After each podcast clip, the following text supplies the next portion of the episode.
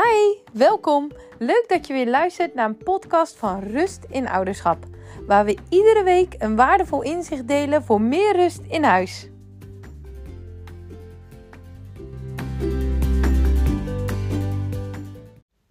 In deze podcast wil ik het graag met je hebben over de vraag of kinderen vandaag de dag niet meer zo goed naar hun ouders luisteren zoals vroeger. En als dat dan zo is, zijn het dan de kinderen die anders zijn? Of is het ouderschap van vandaag de dag anders? Nou, om daar gelijk antwoord op te geven, ja. Het ouderschap van vandaag de dag is veranderd. Zelfs nog maar van een generatie terug. Want kinderen zijn nog nooit zo betrokken geweest en nog nooit eerder werden hun gevoelens zo gehoord en overwogen door ons als ouder. En nog nooit hebben we kinderen zoveel ruimte gegeven om zichzelf te zijn. En dat is fantastisch, want we zijn veel meer betrokken bij het leven van onze kinderen. Want we willen niet dat ze bang voor ons zijn. En we werken keihard om ze niet teleur te stellen, boos te laten worden of ze zichzelf te laten frustreren. Omdat het niet alleen belangrijk is dat ze gelukkig zijn, maar we willen ook dat ze gelukkig zijn met ons. En complete gehoorzaamheid kan alleen worden bereikt door angst en door afstand. En ook al ging dat op verschillende manieren in de opvoeding zo, dat was wat het ouderschap inhield. En dat hebben wij vandaag de dag als ouders veranderd. En om meer betrokken te zijn bij ze en om meer in verbinding te zijn met onze kinderen. Om er voor hen te zijn, maar ook met hen in alles wat zij doen en wat wij doen. We veranderden dus het systeem van de opvoeding. Maar misschien begrepen we daarbij niet helemaal wat die verandering betekende. Want als ouder wil je dat je kind zich gerespecteerd en bekrachtigd voelt. En daarom moedig je ze ook aan om zichzelf te uiten en om keuzes te maken. Maar tegelijkertijd verwachten we gehoorzaamheid. En het liefst ook de eerste keer dat we het als ouder vragen.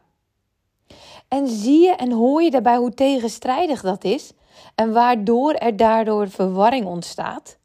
Want enerzijds hebben we onze kinderen een stem gegeven, maar we willen ook bepalen hoe en wanneer ze die mogen gebruiken. En de grootste bron van frustraties in gezinnen van vandaag de dag komt dus door de vraag wie de leiding heeft over wat, wanneer en waarom. En dat schommelt continu heen en weer, van kinderen naar ouders en weer terug naar kinderen, zonder dat het duidelijk is. En daarmee wordt dus onbalans gecreëerd en dat veroorzaakt de chaos die je vandaag de dag soms in het huishouden voelt.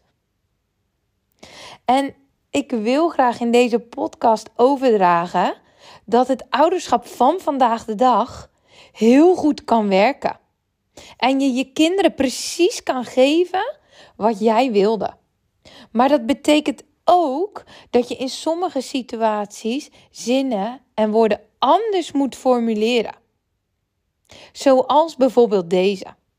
Van waarom luister je niet naar me? Naar hey, we moeten leren beter samen te werken. Want samenwerken en soms gewoon ergens aan voldoen. En het ouderschap van vandaag betekent dus dat jij als ouder niet in de rol bent van een dreiging voor je kinderen, maar in de rol van sterk en positief leiderschap. Zodat ze je vertrouwen en naar je op kunnen kijken. En dat kun je dus zien alsof iedereen in je gezin een goede functieomschrijving heeft, net als op het werk. Want een functieomschrijving heeft duidelijke regels. Iedere baan, iedere functie, die vereist kennis, vaardigheden en oefenen en ervaring. Iets wat jij als ouder al hebt voor die specifieke functie of baan. Maar je kinderen zijn dus in het proces om die vaardigheden te verwerven. En met tijd en met jouw begeleiding en met het voorbeeldgedrag van jou als ouder. Want wat ieder goed systeem nodig heeft om te kunnen functioneren, is een duidelijke structuur van wie heeft de leiding over wat, wanneer, waarom en hoe. Nou, en hoe kun jij daar als ouder komen, deel ik graag met je in de komende tips. Tip 1. Ja en nee vragen zijn niet altijd wat je denkt dat ze zijn. Denk maar eens aan hoeveel ja en nee vragen je op een dag wel niet aan je kind stelt. Of misschien wel in een uur. Zullen we gaan opruimen? Kom je aan tafel om te eten? Is het al bedtijd? Kom je naar binnen? Zullen we naar school gaan? En al deze vragen geven je kinderen dus de ruimte om te antwoorden ja of nee. En ja, ik weet dat je dat doet om respectvol en vriendelijk te zijn en om je kind een stem te geven. Maar als je eerlijk bent, je verwacht eigenlijk dat ze het met je eens zijn.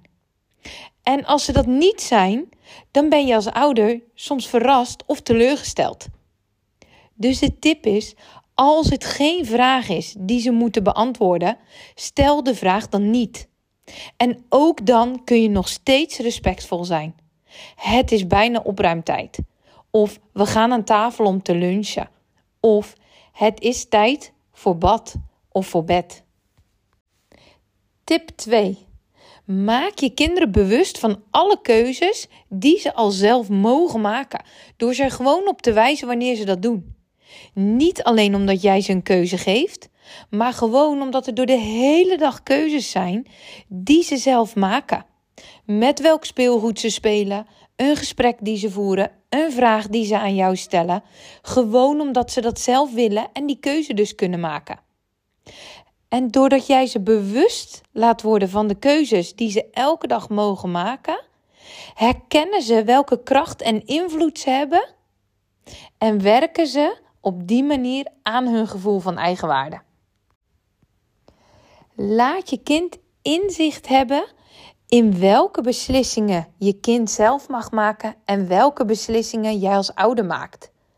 Grote, lange termijn beslissingen, die zijn namelijk voor jou als ouder. Jij creëert kaders en grenzen.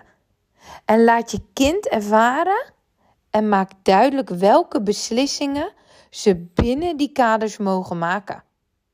En dat is afhankelijk van hun leeftijd en welke vaardigheden ze al bezitten en soms zelfs afhankelijk van de situatie. Jij bepaalt als ouder bijvoorbeeld wat er gegeten wordt en je kind bepaalt misschien wel hoeveel ze willen eten. Jij beslist dat het bedtijd is en je kind kan er misschien voor kiezen om het er niet mee eens te zijn, zelfs gefrustreerd te zijn, maar het verandert niet jouw beslissing. Wel kunnen ze weer beslissen welk boek ze misschien willen lezen, waarover ze willen praten. Weer de inhoud van de kaders die jij als ouder schept. Jij creëert de kaders, zij creëren of ze het daarmee eens zijn en wat ze binnen die kaders mogen. Tip 4. Sommige dingen moeten we in het leven en sommige dingen willen we in het leven. Nou, het is enorm waardevol om dit eens met je kind op te schrijven of visueel te maken. Want je kind moet bijvoorbeeld zijn tanden poetsen, zijn speelgoed opruimen, handen wassen, naar school. Maar je kind wil bijvoorbeeld spelen, tv kijken, naar zijn of haar vrienden. En probeer voor je kind een goede balans te hebben tussen wat ze moeten en wat ze willen. En bespreek dat verschil ook eens met je kind. Want wat kinderen moeten voelt als een enorme last.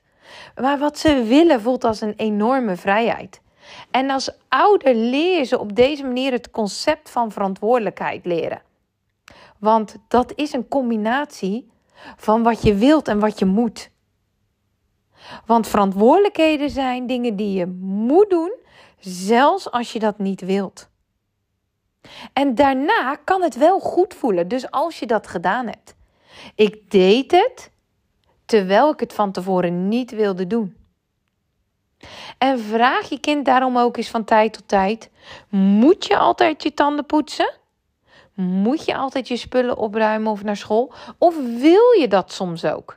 Want hoe meer verantwoordelijkheden jij als ouder kunt verschuiven van het moeten naar het willen, hoe fijner je kind zich zal voelen wanneer ze dat ook doen. Tip 5. Voer geen ouderschap uit op afstand. Roep dus niet vanaf een afstand dat die tv of iPad uit moet. Of dat ze hun jas en schoenen aan moeten gaan doen voor school. Tenzij je er zeker van bent dat ze dat ook op commando doen. En doe het anders niet. Loop erheen. Zoek contact met je kind om ze te vertellen wat ze moeten doen. En laat ze ook weten dat jij er bent om ze te helpen als ze het lastig vinden om dat te doen. En blijf kalm en wees duidelijk voordat je zegt dat je nu eenmaal moet samenwerken. En herinner ze er dus ook aan als ze het er niet mee eens zijn. En dat jij als ouder degene bent die erover bepaalt dat dat nu eenmaal moet gebeuren. En naast al deze tip wil ik je als laatste meegeven dat er nu eenmaal geen magische truc is die je kinderen gaat leren op commando te laten luisteren. Of dat je je misschien nooit meer zal moeten blijven herhalen als ouder. Het is namelijk werk in uitvoering. Want uiteindelijk is wat je wilt niet dat je kinderen kleine robotjes zijn, maar onafhankelijke, zelfverzekerde en vrije denkers. Dus jij bent geen slechte ouder als je kind je uittest en je bevraagt. En natuurlijk zijn het geen slechte kinderen als ze niet direct doen wat je van ze vraagt. Want dat is precies wat ze moeten doen.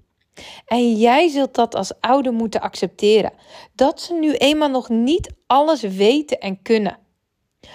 Ook op het moment dat ze precies laten weten wat ze allemaal vinden van wat ze moeten en wat ze daarbij voelen. En jij bent als ouder dus nog steeds in leiding over alles waar jouw kinderen nog geen leiding over kunnen hebben. En ja, dat is een uitdaging, maar jij kunt dat als ouder. En ook wij van Rust in Ouderschap zijn er om jou daarbij te helpen.